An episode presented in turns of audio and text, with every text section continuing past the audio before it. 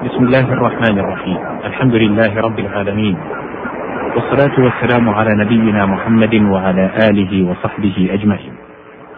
أيها المستمعون الكرام السلام عليكم ورحمة الله وبركاته. أحييكم في مطلع هذه الحلقة من حلقات هذا البرنامج. كان المقام قد توقف بنا عند مادة السين والكاف والراء. أمضينا جزءا منها وبقي فيها بقية. سكرات الموت شدائده لما يلحق صاحبها من الغش وغيبوبة العقل. وعليه قوله تعالى وجاءت سكرة الموت بالحق وقوله وترى الناس سكارى أي داهشين مختلط العقول لشدة الهول. وما هم بسكارى أي السكر الذي يعرفونه وهو ما يلحق السكران لشدة الطرب وتزايد السرور. السين والكاف والنون. قوله تعالى في سورة الروم لتسكنوا فيه. أي تستريحون من التعب. لأن السكون ضد الحركة. والحركة مظنة التعب لأن فيها انتقالات بالأعضاء وأعمالا بالجوارح. والنهار ظرف ذلك والليل ظرف الراحة وبه السكون. وسكن فلان بلد كذا أي استوطنها. وذلك المكان مسكن بفتح الكاف. وهو القياس. وبكسرها. وقد قرئ بهما قوله تعالى في مسكنهم آية جنتان. ومنه قوله تعالى ويا آدم اسكن أنت وزوجك الجنة. أي اتخذاها سكنا. والسكن ما يسكن إليه. قال تعالى إن صلاتك سكن لهم. وقوله تعالى الذلة والمسكنة هي فقر النفس والمراد بها هنا الجزية والصغار. والمسكين من السكون لأن المسكين تسكن حركته. واختلف فيه مع الفقير فقيل هو أصلح حالا منه لأنه تعالى جعل له ملكا في قوله أما السفينة فكانت لمساكين. السين واللام والباء. قوله تعالى في سورة الحج وإن يسلبهم الذباب شيئا. السلب النزع على سبيل القهر. وسلب القتيل ثيابه التي تنزع عنه. والسلب أيضا لحاء الشجر. والسلاب ثوب الحداد الذي تلبسه المرأة. وجمعه السلب نحو قذال وقذل.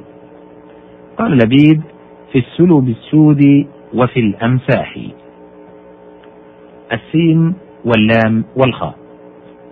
قوله تعالى في سورة ياسين وآية لهم الليل نسلخ منه النهار أي نخرجه منه كما نسلخ جلد الشاة ونحوها عن لحمها وهو من أبلغ الاستعارات. ومنه استعير إن سلخ الشهر كأنه نزع عما قبله وسلخت درعه. السين واللام والفاء. قوله تعالى في سورة الزخرف سلفا ومثلا. السلف المتقدم. وقوله تعالى عفى الله عما سلف أي ما تقدم من الذنوب. وقوله سبحانه وأن تجمعوا بين الأختين إلا ما قد سلف أي ما قد تقدم من فعلكم. فذلك يتجافى عنه. قال الراغب فالاستثناء عن الإثم لا عن جواز الفعل. يقال سلف يسلف إذا تقدم ومضى. والسلف الآباء الماضون الواحد ثالث ومن بعدهم خلف. الواحد خالف. والسلافة أول ما يخرج من الزبيب إذا انتقع السين واللام والكاف. قوله تعالى في سورة الجن يسلكه عذابا صعدا. أي يدخله. يقال سلك الخيط في الإبرة وأسلكه فيها. فعل وأفعل بمعنى.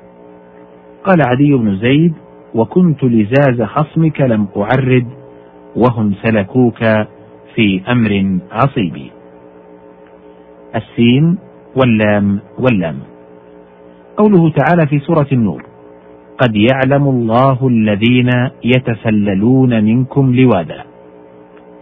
السل نزع شيء من شيء نحو نزعت السيف من الغمد وسللته.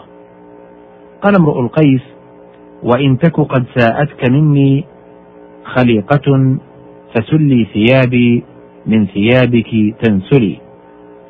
وكان المنافقون يخرجون من المسجد متوارين بالناس عن أن يراهم غيرهم. وسل الشيء من البيت سرقة. والولد سليل لأنه سل من الأب. وقوله تعالى من سلالة من طين السلالة الصفوة التي استلت من الأرض. وقيل هي كناية عن النطفة وذكر أصلها وهو الطين. ومرض السل لأنه ينزع اللحم والقوة. قالوا وكل بناء على فعالة دل على التقلل نحو الفضالة والخسارة. والسلة سل السيف. قال حماس ابن قيس. هذا سلاح كامل وأله وذو غرارين سريع السلة. وتسلسل الشيء اضطرب كأنه تصور منه تسلل وتردد. ومنه التسلسل عند أهل الكلام وهو عدم الانقطاع وماء سلسل متردد في مقره. السين واللام والميم. قوله تعالى في سورة الأنعام سلام عليكم. أي سلامة واقعة عليكم فلا تعذبون ولا تخافون كغيركم من أهل الشقاء.